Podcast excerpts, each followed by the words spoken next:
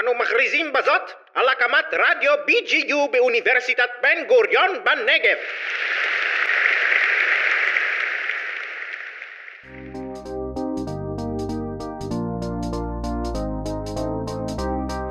המדריך לפודקקר המתחיל עם שתילי ולירון.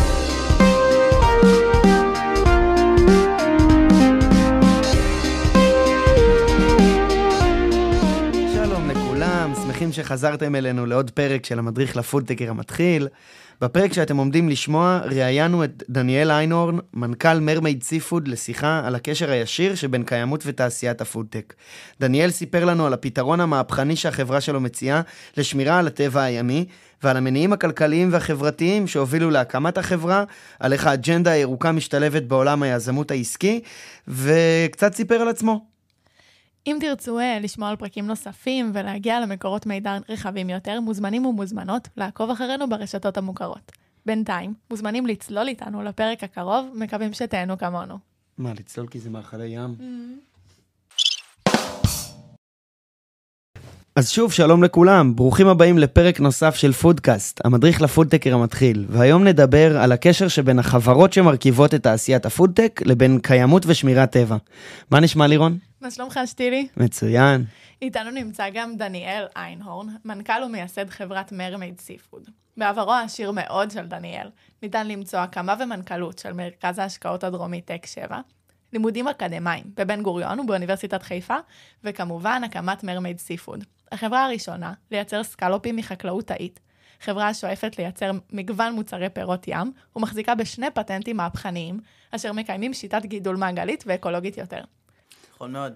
אז נעים מאוד, דניאל, מה נשמע? בסדר גמור, כיף להיות פה. רוצה לספר לנו קצת מי אתה ומה מה החברה שאתה עומד בראשותה? בוודאי, בוודאי. אמ, אז לפני מרמייד, אני אגיד שאני מאז ומתמיד, נראה לי שאחרי הרקע הזה, אז אני אתן משהו עם קצת יותר, אה, אה, יותר צבע. אז אה, תודה על ההקדמה הזאת, אבל אני חושב שמבחינה מעשית, אני תמיד רציתי לעשות משהו עם איזשהו אימפקט מאוד גדול, משהו, כמובן, להגשים את עצמי, לחלום בגדול, אני מאוד, אה, מאוד מונע, מונע חלום, מונע vision. אני גם מדי פעמים ב- בפודקאסטים אחרים, ובעצם כל, כל פעם שיוצא לי, אני נורא מדבר על הנושא הזה. אה, ואני גם אגיד, אתם יודעים מה, אני אוסיף על זה שלא דיברנו על מה התארים שלי, והתארים שלי בכלל לא קשורים לביולוגיה. וזה מתחבר לנקודה שהרגע פתחתי, שחלמתי בגדול, איכשהו הסיפור הזה של הים עם, עם, עם חובלים, שגם זה נראה לי לא עלה ברקע, אבל השילוב הזה של הים, אה, ולחלום בגדול, וכל הזמן להקים ולבנות משהו שעושה, יצא מרמייד סיפודס. כאילו, זה, כל הוקטורים, זה התחבר לזה. רגע, אז אתה אומר חובלים, מה, מה לך עם חובלים? אז, אז, אז שירתתי בחובלים, ואני במקור מה, מהנגב, אז ים לא היה חלק גדול מהילדות שלי, בעצם התחברתי לזה דרך השירות בחובלים, שאתה מבלה זמן ממושך, או, או בתוך המים או על המים, ויש בזה משהו מדבק. אני גם רואה את זה בביולוגים הימיים, שהם כאילו לא מבינים איך ביולוגים אחרים אה, מכלים את זמנם על נושאים, יש איזה מין התאהבות כזאת, ואפילו צדפות, שזה מה שאנחנו עובדים איתו, שאנשים מדמיינים שהוא נורא... אנמי, כמעט על הגבול של עצם ולא בעל חיים, כי זה אפילו דומה קצת לאבן לפעמים, אבל זה, זה עולם ומלואו, הם, יש להן אה, אישיות לצורך העניין. אז יש איזה מין, כיף לי פשוט להתעסק בעניין הזה של, ה, של הים, אני גם מפליג חובב אה, שמרבה כמה שאפשר לעשות את זה, אז אני פשוט רוצה להתעסק בים, להיות עם הים, לק... לעזור לים, זה בא לי נורא בטבעי, וזה בזכות ה... התקופה הזאת של השירות. אוקיי, אז למה דווקא מאכלי ים? מתוך כל ה... איך הגענו לפודטק? כן, האמת שאני חושב שיכולתי לעשות הרבה דברים ש... שבאמת טובים לים, אבל זה כנראה יהיה הדבר ה... באמת הכי, הכי משמעותי שאפשר לעשות כדי, אה, כדי לעזור לים. דייג זה, זה, זה בעיה נוראית. אה, חקלאות ימית, יש, יש ויש, יש יותר, אה, יש שיטות יותר ברות קיימא ופחות. גם שם יש, יש בעיות, ויש לנו, וגם בחקלאות יש לנו תלות בדגה, אולי ניכנס לזה בהמשך, אבל בכל מקרה, לפחות לדגה, שזה עדיין מחצית האספקה העולמית מגיעה מדייג. דייג זה, זה פרקטיקה באופן כללי מאוד, אנחנו בעצם נמצאים במצב שאוכלוסיות הדגה בעולם, 90% מהם הם או overfished, שזה אומר שאנחנו כבר הורסים את הזה, או שהם הגיעו למקס capacity, אז 90% זה הרבה.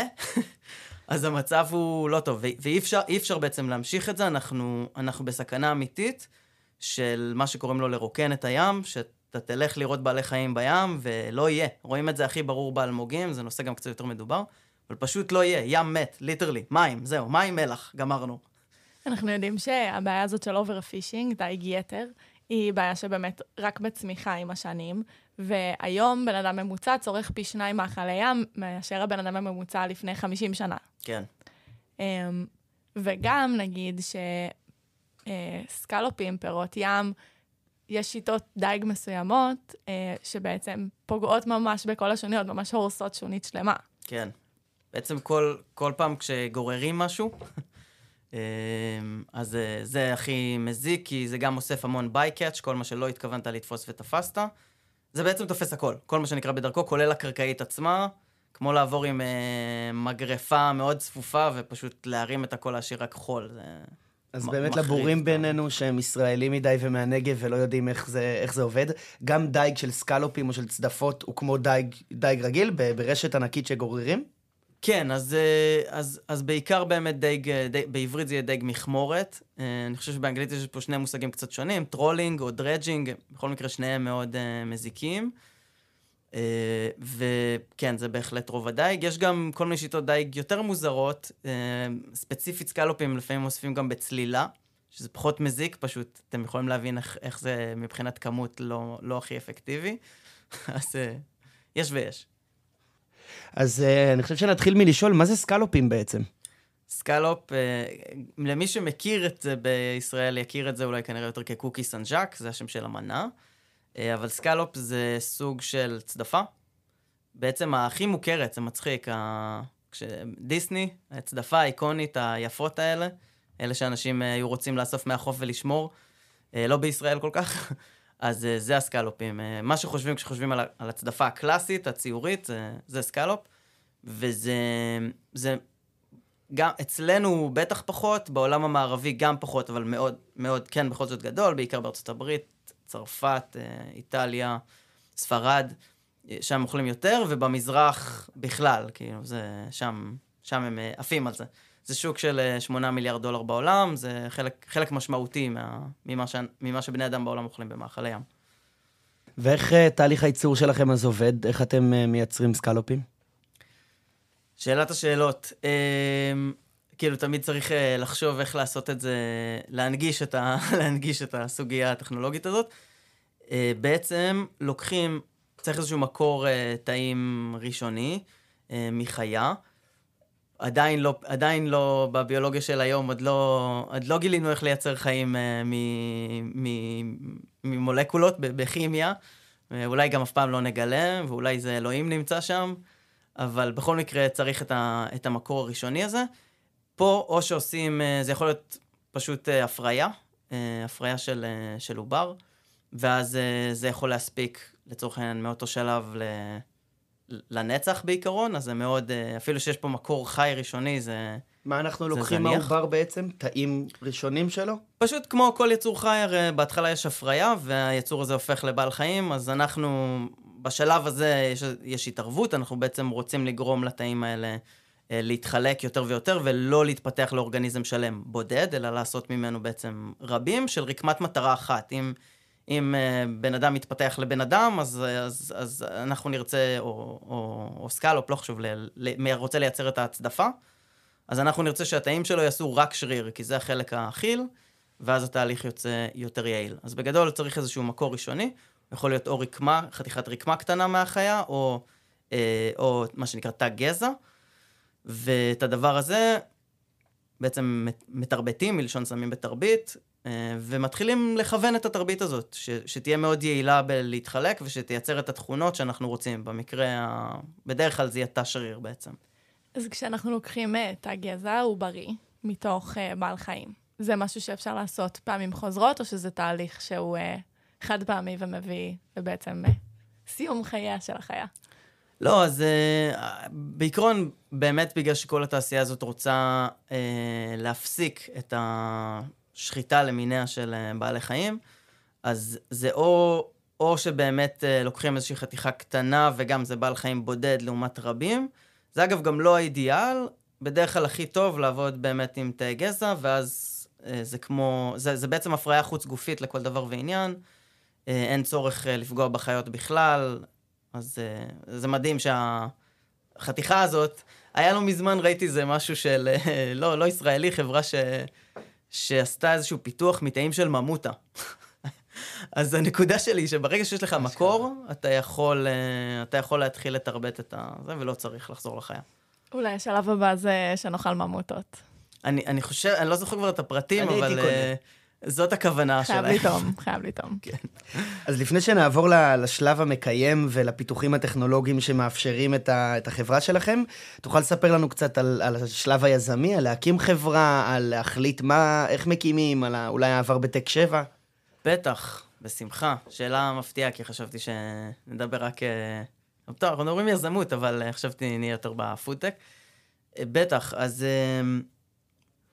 אני חושב שצריך בעצם אה, קודם כל להתמקד באיזשהו...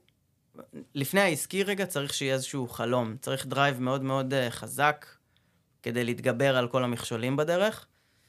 והדרך הפסיכולוגית בעיניי לנהל את זה, הטיפ שלי בעניין הזה, זה, זה באמת כל פעם כשנתקלים באיזשהו מכשול או איזושהי מגבלה, או איזשהו פחד, אנחנו בני אדם, יש לנו חששות, אה, להתרכז בחלום, במה זה יכול להיות, בהזדמנות, וזה מאוד עוזר אה, להתגבר על, ה, על החששות, והאמת שיזמות זה דבר כל כך... אה, אפילו שבהחלט יש כמה טיפים גנריים שאפשר לאסוף, ומאוד מומלץ לשמוע פודקאסטים, לבוא לאירועים, לדבר עם אנשים כמה שיותר. זה מאוד עוזר, אבל בסוף יש מה שאני קורא לזה לחיות את זה. מין כזה להחליט שזה קורה, ולהסתובב סביב זה שזה קורה. ואיך, אה, מה שנקרא, אם לא נכנסת דרך הדלת, להיכנס מהחלון, זה ממש, אה, ממש זה. לדעת ש, שזה הולך לקרות, וכל הזמן לא הצליח ככה, ננסה משהו אחר. אוקיי, אז אנחנו יכולים באמת לעבור עכשיו לשלב, אה, לג'יסט של הפרק שלנו, ורצינו לדבר באמת על קיימות ופודטק, אה, ונראה לי נתחיל מהבסיס. מה במוצר שלכם הוא יותר מקיים מהמוצר השני? הבנו למה דייג הוא, הוא אלים ומיותר ופוגע בפלנטה, אבל למה המוצר שלכם לא? אז אה, קודם כל זה מאפשר אה, לייצר כמויות מזון מאוד... אתה אתה אפילו לא קודם כל, בואו נתחיל בעצם מה, מה-overview, מה, מה, מה קורה פה. אתה יכול לייצר הרבה יותר מזון מכמות אה, מאוד מועטה של משאבים. איזה משאבים? אחד, שטח, אה, שזה עניין שהולך ונהיה יותר ויותר בעייתי. אז אחד, שטח, שתיים, מבחינת אנרגיה, אז אפשר לעשות את זה מאוד מאוד יעיל, גם להשתמש באנרגיה ירוקה, כל מיני דרכים שבעצם, בעצם, בעצם זה שהמאמץ הוא מאוד ממוקד, אז אנרגטית הוא, הוא פחות תובעני. אה, ו... וכמובן הגידול של החיות, בעצם בזה שאנחנו מגדלים רק את הרקמה שבה אנחנו משתמשים, באיזשהו תהליך מאוד מנוטר, מאוד טכנולוגי, מאוד מתקדם, אתה יכול להשתמש בהרבה פחות משאבים ממה שתצטרך לגדל חיה שלמה, ובטח, אה, ובטח חיות... אה, זאת אומרת, אה, זה גם דורש, אה, נקרא לזה במילה אחת להכל, מרעה. בסדר? זה, זה, זה, זה מפוזר, כל חיה זה משהו אחר, יש מחלות, זה, זה עולם חקלאות, שהוא דורש המון המון עבודה. אז ככל שהם מקטינים גם את הלייבור, גם את האנרגי, גם את האינפוט שאתה מכניס למערכת, אתה כל הזמן משתפר ביעילות, ובעצם אנחנו רק בהתחלה של זה, זה ילך ויהיה יותר ויותר יעיל. בעצם uh, התהליך ייצור, אתה אומר uh, טכנולוגיה ובאמת מדבר על איזושהי החלפה של השיטה המסורתית. אבל יש מצב שהתהליך ייצור מייצר בעיה חדשה? זאת אומרת, אנחנו מכירים את הסיפור הזה שהוציאו, uh, התחילו לקחת כסף על שקיות ניילון, אנשים התחילו להס- להסתובב עם שקיות רב פעמיות, אבל בשביל להשתמש בשקית רב פעמית בצורה שבאמת uh, תורמת לסביבה, צריך להשתמש בה אלף פעמים. ובעצם יכול להיות שבזה שאנחנו מחליפים את השקית הרגילה בשקית חדשה, יצרנו בעיה חדשה. לפי מה שכתוב לי פה, 7,100 פעמים צריך להשתמש בשקית כדי וואו. שהיא תהיה יעילה. אפילו וואו. יותר מאלף. מטורף. אמ, אז יכול להיות שבעצם אנחנו באמת מגנים על הסביבה בצורה מסוימת, אבל מייצרים איזושהי בעיה חדשה. אה, לא. זו התשובה שקיוויתי לשמוע.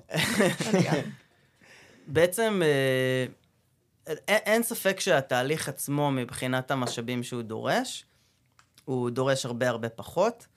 הבעיה העיקרית כיום היא, היא האופן שבו אנחנו מייצרים את ה... נקרא לזה חומרי הגלם של הבשר המתורבת, שזה בעגה המדיום גידול. אה, נותנים למדיום הזה עלות מאוד מאוד גבוהה, וזה כרגע היום הדבר העיקרי שאינו בר קיימא בתהליך של הייצור. ואני חושב, יש בתחום הזה סקפטים, ואני דווקא רוצה להתייחס לזה במישרין, כי אני, אני חושב שכשמסתכלים על, על כל טכנולוגיה בפרספקטיבה היסטורית, תמיד זה מתחיל באיזשהו מחיר שנראה, אפשר, דוגמה ממש קלאסית תהיה מחשבים. מתחילים במשהו נורא נורא גדול, משהו שאתה אומר, אין, אפילו חשבו עליי לנסות להכניס את זה לבית, ותמיד היום אומרים איך, ב, איך בסמארטפון, כאילו פעם אה, עם ה, עם, שמחשבון זה היה מגה מחשב, והיום אנחנו ב, בתוך הסמארטפון דוחסים מערכות ש, שהיית רוצה לראות בחללית. אז, אה, אז אני חושב שזה יעבור פשוט אותו תהליך. כן, אולי בהתחלה זה, זה עוד לא שם, זה עוד לא שם, אבל בעצם זה מה שחברות כמו מרמייד סיפודס ו... וכל החברות בתחום ממוקדות בו, וכל העולם מתעסק בזה, זה גם בעיה הכרחית, גם יש מוטיבציה שנייה, נדבר הרי בהמשך בטח על, ה... על, ההבדל בין מוטיבציה כלכלית למוטיבציה, נקרא לזה ירוקה אקולוגית. נכון. ועד עכשיו בעולם זה הרבה פעמים לא הסתדר, איפה שהיה צריך להוציא יותר כסף, ופה זה לא המקרה, ש, ש, שלא צריך להיות זה, זה יצא גם יותר משתלם, גם המחיר של ייצור בשר, בשר מס, בצורה מסורתית או מאכלי ים ילך ויעלה בגלל מה שנקרא בכלכלית externalities, external cost, ש, שבעצם כל הזמן ילכו ויולבשו על ה... ירד לצרכנים, כן? היצרן לא מפסיד, זה, אין בזה, זה לא יקרה. אבל אובדן שטח יעלה יותר כסף, ואז הכל, אובדן הכל, האנרגיה הכל, יעלה. הייתה אפילו כן. דוגמה יותר, פחות ישירה, ודווקא אני חושב שהיא דוגמה מעולה, כי היא קצת תפתח לאנשים את הראש. רואים היום המון, אה, במיוחד ב- בים, הכחדות פתע כאלה. עונה שלמה, פתאום אין איזה, אין איזה מוצר שהתרגלו שיש. די בטוחים שזה קשור ל- להתחממות גלובלית, התחמצנות של המים. אה, אז, אז, אז, אז, אז יהיו כל מיני הפתעות כאלה, חיות שיפתחו מחלות נורא קשות אה, בגלל צפיפות. זה כל הזמן ילך ויחמיר לצד ביקוש הולך ועולה. יהיה פה שתי מגמות הפוכות, שכל הזמן מגדילות את הרצון להשקיע משאבים בטכנולוגיות שיפתרו את הבעיה הזאת, כמו בשר מתורבת. אם אנחנו באמת בטכנולוגיות, מה בתוך הטכנולוגיות שלכם, ממה שאתה יכול לספר, הן חדשות ומחדשות? ורגע, אני אסביר גם שמי שלא, עוד לא עקב אחרינו ולא יודע מה זה מדיום גידול, מדיום מחקה את הדם שהתאים גדלים בו, והוא בעצם מספק להם את הנוטריאנטים. זה כהקדמה לתשובה שלך. כן, אז uh, הכל חדש. Uh, טוב, לא הכל. יאללה, לא צריך כל הזמן. Uh, למה תעוף על עצמך? הכל טוב. אה, לא, אה, אני אהיה יותר מדויק. אז, אז אנחנו, כבני אדם, אני מרגיש שאני פותח יותר מדי מש- משפטים ככה. אה, כבני אדם, אנחנו, כמין, אנחנו מפתחים, אה, מפתחים פתרונות שמבוססים תרביות תאים כבר עשרות שנים, בעיקר עבור רפואה, אה, פתרונות הלטקר. גם שם יש כל הזמן פתרונות יותר מתוחכמים ו- ופחות ופחות צורך אה, בהכרח דרך תרביות תאים אה, לייצר את הפתרונות האלה, אבל, אבל זה כן עדיין רווח, ומשם משם מגיע הידע. זאת אומרת, הידע של לעשות, אה, לייצר, נגיד בצורה אקדמית, שנייה, ללא קשר לה- להיתכנות הכלכלית, רקמת אה, בשר במעבדה, זה ידע שבטח התקדמנו בו בעשר שנים האחרונות, אבל במהותו, בבסיסו, הוא היה קיים. אה, העניין הוא שעבור ה-healthcare, ה- המשוואת אה, ייצור נקרא לזה, היא כזאת שצריך לייצר כמות יחסית קטנה, כי זה לחולים, שזה בהגדרה היה לנו מיעוט, רוב האנשים רוב הזמן בריאים, אז לייצר, אה, לייצר, אה, לייצר משהו שהוא לא, ב, לא בנפח מאוד מאוד גדול, והוא יכול להיות מאוד מאוד יקר. מדוע? כי באמצע יש חברות ביטוח ויש תעשייה שלמה מאוזנת כלכלית. בן אדם שם 10 דולר בצד בחודש, וקורה לו חלילה משהו חמור, ועכשיו הוא צריך תרופה שהעלות ייצור שלה היא מיליון דולר לכמות שהוא צריך. מגיעה חברת ביטוח, פותרת את הבעיה, ואפשר לייצר כמות קטנה במחיר uh, יקר, והכל טוב. והמזון הוא בדיוק הפוך, ב... כולם אוכלים, אה, משתדלים בזול. לכולם זה בעיה עלויות של מחירי מזון, ככל שהעלות של מזון יורדת, הוא נהיה יותר נגיש ליותר אוכלוסיות. אנחנו הכי רואים את זה בחלבון, שמדינות מתפתחות, החלבון לבן אדם הולך ועולה. אנחנו רוצים כאנושות שאנשים יהיו שבעים, ו- ושהמוח שלהם יקבל את כל מה שהם צריכים כדי שהם יוכלו להמשיך לקדם את האנושות. אז בשביל זה צריך פתאום לייצר כמות עצומה, כמות, אני לא יודע, לא יכול לדמיין משהו שמייצרים יותר ממזון, זה אחד, כמות עצומה, ו- וממש בזול. אז, אז היה צריך לעשות, לייצר את אותו מוצר, אבל הפוך מבחינת השיטת ייצור. וזה ה, זה עיקר הטכנולוגיה, איך, איך להצליח לעשות את זה. איך אתם יודעים שהוא באמת מקיים יותר? כאילו, כמו שלירון נתנה את הדוגמה של השקיות, יש מישהו שמודד את זה אצלכם? שמוודא שאתם יותר יעילים אקולוגית מהתחליף? כן, בטח, חד משמעי, זה גם סטנדרט בתעשייה, עושים את כל הניתוחים uh, המוכרים, לייף סייקל, ובטח זה כל חברה, אפילו אני חושב שעיקר המשקיעים היום uh, מחזיקים, את הח... מחזיקים את החברות לדבר הזה, זה... הני- הניטור של העניין הזה הוא, הוא מאוד חשוב מבחינה ערכית, באמת. זאת אומרת, אין ספק שבסוף העולם מובל עדיין, אפילו לא יודע אם לצערנו, אני פשוט מקבל את זה כעובדה, העולם מונע כסף. אם אין, אם אין הזדמנות כלכלית, אה, כל מי שצועק בשער, בדרך כלל לא שומעים אותו. בואו נודה באמת, מה שנקרא. אה, אני פשוט אה, שוב אומר שלשמחתי, אנחנו נמצאים בתעשייה שהם לגמרי הולכים יד ביד, שיש פה יתרון, יתרון ירוק ואקולוגי וחברתי ו- וסביבתי והכול מאוד משמעותי. לצד זה שזו תעשייה שהיא ענקית, כי היא בעצם בתרחיש האידיאלי מחליפה לחלוטין את ה... איך שאנחנו מייצרים היום חלבון אפילו, לא רק, לא רק בשר, כל צורות החלבון כמעט. איך אתה יכול אה, לפשט באמת ולהסביר מה זה אומר שהאינטרסים הכלכליים כן מתאימים לאינטרסים הסביבתיים, קיימים? כאילו, למה זה קורה על מה פה? זה נופל, כן. אמ, בגלל שבעצם באופן, אמ, אני חושב ש... אוקיי, במהות, במהות רצינו לייצר, אה, נחזור ל... דיברנו קצת לפני על העניין, הטכ... על העניין, המהות של טכנולוגיה. אז מאז ומעולם אנחנו כבני אדם עשינו משהו שאף חיה אחרת לא עושה, שאפשר לנו להגיע לממדים וגם להתפתחות האבולוציונית שאנחנו נמצאים, כי אנחנו בעצם בעל חיים, אנחנו בעל חיים, ב- ב- שהוא מאוד ברווחה, באופ... בטח באופן יחסי. עכשיו, איך זה ייתכן? אנחנו יודעים לקחת את אותם משאבים, אנחנו לא מגיעים ל... אנחנו לא לקטים שמסתובבים, אומרים, הנה זאת כמות הדובדבן שצומחת פה, אה, תות, לא יודע, ו... ו... וזה מה יש. אלא אנחנו למדנו בהתחלה את החקלאות הבסיסית, לזרוע, להמתין, ו... ואז פתאום אפשר לגדל על זה עיר. וזה היה מאוד משמעותי. אז, אז, ו... ואנחנו עושים את זה גם בטכנולוגיות אחרות, לא רק במזון. כל הזמן, כל הזמן מייצרים... דיברנו קודם על, אה, על אותו שטח אה, מחשוב, על חתיכה קטנה של מחשוב, פתאום אפשר להכניס מחשב שיכול להטיס חללית. אז, אז זה תהליך שהוא נורא, בפרספקטיבה היסטורית, הוא נורא טבעי לנו. אז, אז, אה, אז זה מה שאנחנו יכולים לעשות פה שוב. בסוף הבעיה, הבעיה הראשונה היא לא... בוא נדבר על שתי הבעיות הגדולות, ואז... שתי הבעיות הגדולות אה, שקשורות לתחום הזה הם אה, ביטחון תזונתי ומשבר אקלימי. ושתיהן huge, אין יותר חשוב מזה, שתיהן מביאות אותנו, אחת מביאה אותנו נגיד ל, ל, לרעב ועוני, אז יכול להיות שנשרוד את זה, אבל, אבל זה יהיה לא נעים. והשנייה, אה, פשוט מחריבה את העולם. זאת אומרת, בסוף זה קונצנזוס מדעי, אני לא יודע מי, מי, מי ששומע כמה, כמה הוא יודע, אבל אני מרגיש בנוח לחלוטין להגיד שזאת עובדה.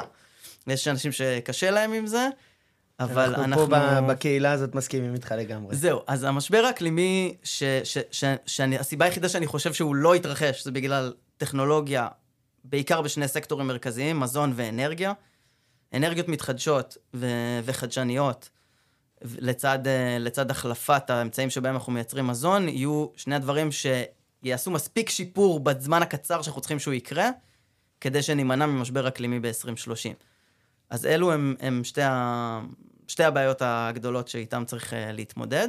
אז רציתי רק להגיד, אני כל פעם פותח, פותח סוגר נקודה, שעדיין כבני אדם, אפילו שממש מרגישים גם את העניין הערכי וגם את ההבנה, איך ההבנה המדעית במשך עשורים מחלחלת למסחרי, עדיין המניע מספר אחת של בשר מתורבת ה... ובכלל חלבון אלטרנטיבי השקעות, זה הכסף. איפה הכסף?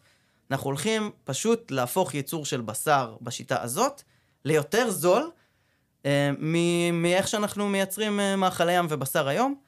ולא רק שזה יהיה יותר זול, בגלל שזה טכנולוגיה ולא מין קצירה של משאבים, אלא הטכנולוגיה הזאת יש לה עוד מלא לאן להעמיק. זאת אומרת, יכול להיות שזה יהיה קצת יותר זול, ויכול להיות שזה יהיה מלא יותר זול. אז כהזדמנות כלכלית זה, זה מדהים, ואתה גם, אין פה שאלה של האם יהיה לזה שוק, כן? זה לא מוצר בספק. אז, אז שני אלה הם, הם המניע העיקרי. על זה, אה, אמרו גם, איזה יופי, אה, אנחנו גם נפתור את, ה, את המשבר האקלימי. יש כמובן קרנות ומשקיעים שיותר מעניין אותם העניין האקלימי, ומה שנקרא קרנות אימפקט, אבל בסוף רוב המשקיעים שמשקיעים בזה, משקיעים פיננסיים, שמצפים מהחברות האלה להגיע לשורת רווחיות על ידי הוזלת התהליך, להיכנס לשוק במחיר שהוא תחרותי מה שאנחנו מכירים היום, אחרת אף אחד לא יקנה את זה. עוד פעם, כי צרכנים עם כל זה שאקלים חשוב, בסוף זה יורד לאיזושהי שורה דולרית, וגם החברה שלי וגם חברות אחרות, אני חושב כמעט כולן, מבינות את זה. פשוט, עוד פעם, אני רואה את זה כמין uh, מתנה נהדרת, שלא מספיק שזו חברה טובה, יצרנית, שמגיעה לרווחיות, ו... קפיטליסטית, גם... אבל גם מסתדרת מוסרית, כביכול. לח... לחלוטין, לחלוטין. פות... פותרת בעיה אדירה לאנושות, אה, לא, לא פחות מזה. איזה כיף. אז בתוך זה, אם אתם גם באסטרטגיית שיווק שלכם ממתגים את המוצר כמקיים, אם חוץ מהמשקיעים מבחוץ, אם גם הלקוח שלכם בסוף מתעניין בתביעת רגל הסביבתית של המוצר שלכם. בטוח שכן. אמ, אנחנו בהחלט נרצה למתג את המוצרים שלנו בצורה הזאת, אם כי יש כאן מלכודת שיווקית מעניינת. אני חושב גם שיש לי דעה כמה שניכנס לזה, ניכנס לזה, נראה לי פשוט אני לא רוצה להרחיב יותר מדי, אבל יש לי גם דעה, אני חושב, מאוד שונה מה... מרוב הקולגות שלי לגבי השיווק של המוצרים האלה. אבל, אה, אבל, אבל, לא, אבל לא על הנושא שעליו אני רוצה רגע לדבר, שהוא, אני חושב, דווקא יותר, יותר, יותר מוסכם. לא מוסכם, אבל יותר מוסכם, שיש לדעתי מלכודת שיווקית אדירה בלמתג את המוצר בצורה שעלולה לייצר אצל, צרכ... אצל הצרכן הממוצע, שקונה היום בשר, מין תפיסה ש... שהוא עושה trade-off בעצם, שהוא אומר, בטח אם זה ירוק, או, ב... או יותר נקי, או כל מיני דבר כזה, זה, זה בטח פחות טוב, או ברמה התזונתית, או בטעם, הייתה חייבת להיות פה איזושהי פשרה. ולכן זה משהו ש... נגיד, בצורה פשוטה, בלי להיכנס למה, למה כן, דווקא אני רוצה להגיד יותר מה לא. אני חושב שאנחנו נרצה, בגדול, אה, עם, עם איזושהי התייחסות לעניין הזה, אבל בגדול לייצר מסר, מה שנקרא, מסר שיווקי צריך להיות, שזה תחליף די, די, אני שונא את המילה תחליף אגב, אני מצטער שהשתמשתי בה, אבל בואו נקרא לזה בכלכלית עוד פעם. מוצר, אה, מוצר חלופי, מוצר תחליפי, ש, שהוא, שהוא, זהה ל, שהוא זהה לצרכן. זאת אומרת, אני, אני, אני אוהב להשוות את זה לנורה. אני רואה שיש לי הרבה אנלוגיות. אני אוהב להשוות את זה... זה מעולה. כשמישהו היום קונה מנורת לד, הוא לא אומר, אבל רגע, איך זה ביחס למנורת להט? זה מאיר את החדר טוב. זה, זה, זה, וזה מה שאני רוצה שהצרכן יתמקד. זה כזה, סבבה, גידלו את זה תרבית כזאת, חקלאות כזאת. פחות מעניין אותי איך המוצר הוא טוב, כן, יופי, ומה, כמה זה עולה? אה, שתי דולר יותר, שתי דולר פחות, לקחתי. לא עכשיו שיתחיל, שהוא, שהוא ירגיש שהוא עושה איזה הקרבה כדי... כדי לאכול את המוצר הזה, והוא מקריב משהו בחוויה, כדי ש... זה לא צריך להיות ככה. כן, אז אנחנו מגיעים לשאלה הקשה, אז בעצם מה גורם לך לרצות לייצר ירוק? אתה אומר, הצרכן לא בהכרח מתעניין בזה, המשקיע לא בהכרח מתעניין בזה, אז אתה בן אדם טוב שיזדמן לו גם לעשות משהו טוב, או שיש פה עוד... האם יש גם מניע לירוק? אני ב, לא, לא, לא, לא נדבר אם תרצה על באופן אישי, שזה נושא אחד, אני רוצה לדבר על זה ברמת התעשייה, ש, שזה נכון גם אליי. Mm-hmm. שבעצם מי, ש, מי שיבנה היום תעשיית חקלאות אה, מסורתית, הוא, אז אורך החיים המקסימלי של החברה שלו, שזה לא קצר, אבל זה לא מה שאתה רוצה, מוגבל לבערך 30 שנה, בראייתי. אה, ולכן העניין ה... לייצר ירוק זה משהו הכרחי, אתה יודע מה? וברמת ההזדהות הערכית שלי, אה, מעבר לזה שזה, שוב, מאוד, מאוד חשוב ומספק לעשות משהו שהוא גם טוב, אה, זה מודרני. זאת אומרת, אני מחשיב את עצמי בן אדם פרוגרסיבי, מתקדם, שרוצה שיהיה לנו כאנושות טוב, ודי, יש את היכולת הטכנולוגית לייצר ירוק, צריך לשכוח מכל הקטע הזה של לייצר לא ירוק. פשוט, פשוט שזה ייעלם מהעולם. כי, כי אנחנו מסוגלים. ו, ואני יותר אומר, איזה מזל שהתמריץ הכלכלי הזה הגיע, ואולי המזון יהיה התחום הראשון שגורם לנו לשנות את החשיבה בכל המוצרים. כי, כי די, די, אנחנו פשוט, אה, זה בעצם החזית הראשונה שאנחנו פתאום מרגישים שלא יהיה אפשר להמשיך לחיות פה, שזה היה משהו בדיוני בעבר, אני חושב שלאנשים היה קשה מאוד לעכל את זה, אבל, אבל זה מגיע, אם אנחנו לא נעשה שינוי, ו, ופעם ניסו להניע את האנשים מתוך האיום הזה, כי לא היה תמריץ כלכלי, והתמריץ הכלכלי פשוט פטר אותנו מהדיון הזה. אז אני לא חושב על זה, זה פשוט עובד. בשיחת הקדמה שעשינו לפרק הזה, אמרת לנו שגם בשגרה בתוך הארגון, אז חשוב לך שבאמת אה, Mm. יורגש שהארגון ירוק. זאת אומרת, אה, בין אם זה למחזר נייר או דברים כאלה. אבל לפני רגע אמרת שאתה מרגיש שזה לא חלק מהתוכנית השיווקית שלך. זאת אומרת, אם אתה לא עושה את זה בשביל הלקוחות, אז בשביל מי אתה עושה את זה? לא, זה, אין ספק שזה בשביל... אני רואה את כל הסיפור הזה של uh, יצור, uh, ייצור משתלם, אני רואה את העניין הירוק בילט אין, בגלל שאין לתעש... בטח לתעשייה הזאת, אבל בעיניי גם להרבה תעשיות אחרות, זכות הקיום שלהם נעלמת ללא הדבר הזה.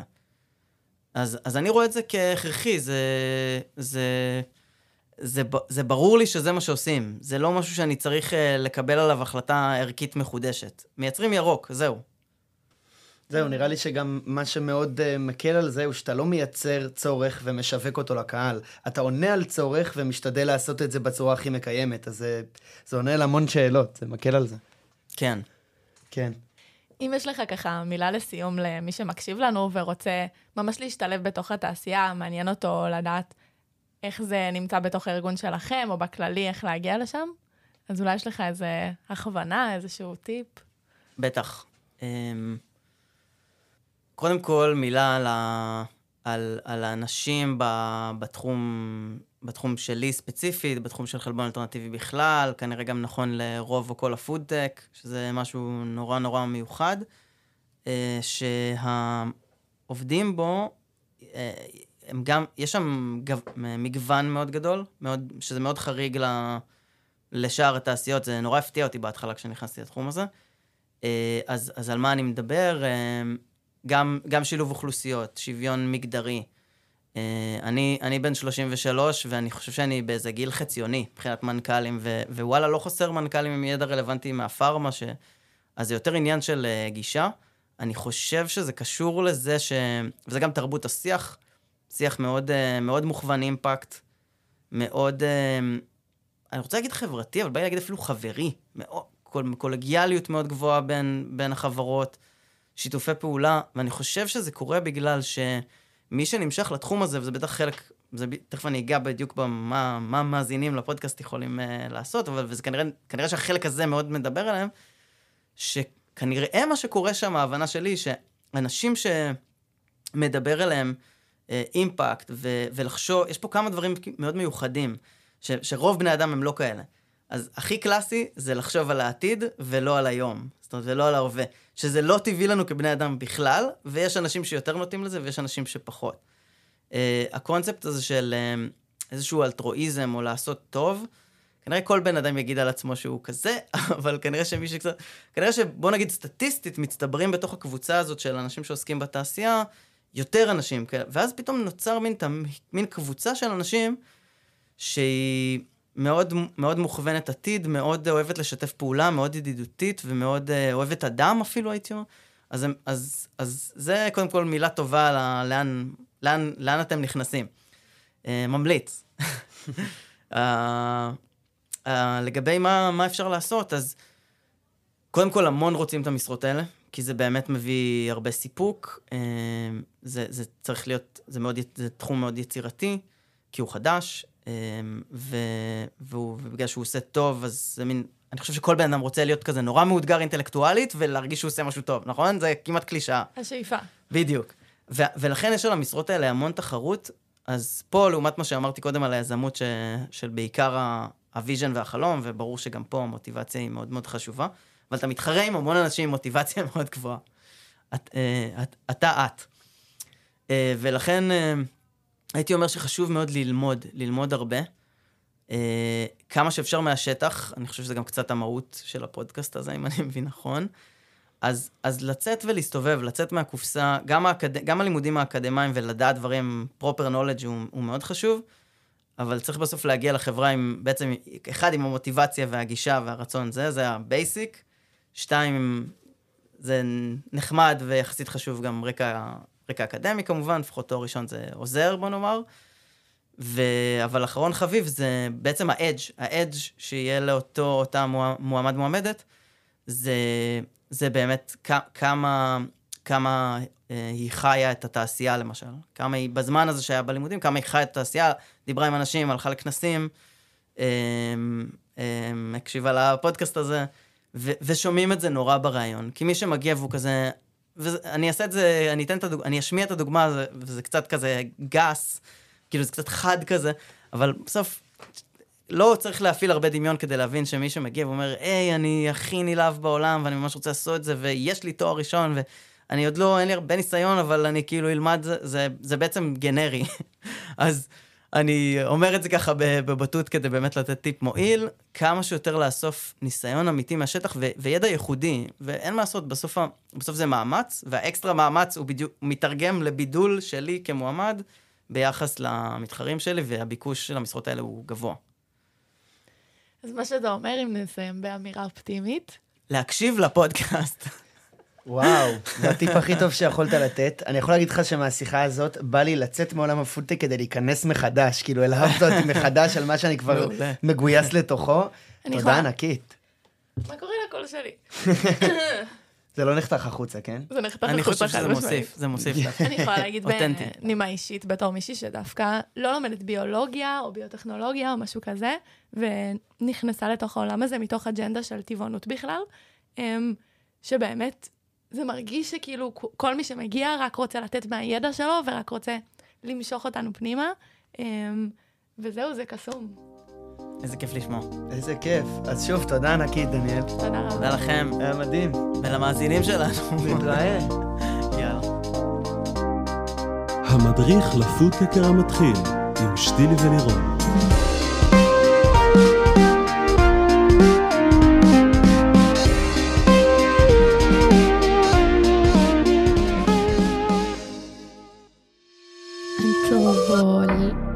Entrepreneur. Entrepreneurship. Entrepreneurship. Entrepreneurship. Entrepreneurship. Entrepreneurship. Entrepreneurship. וואו, יזמות. 360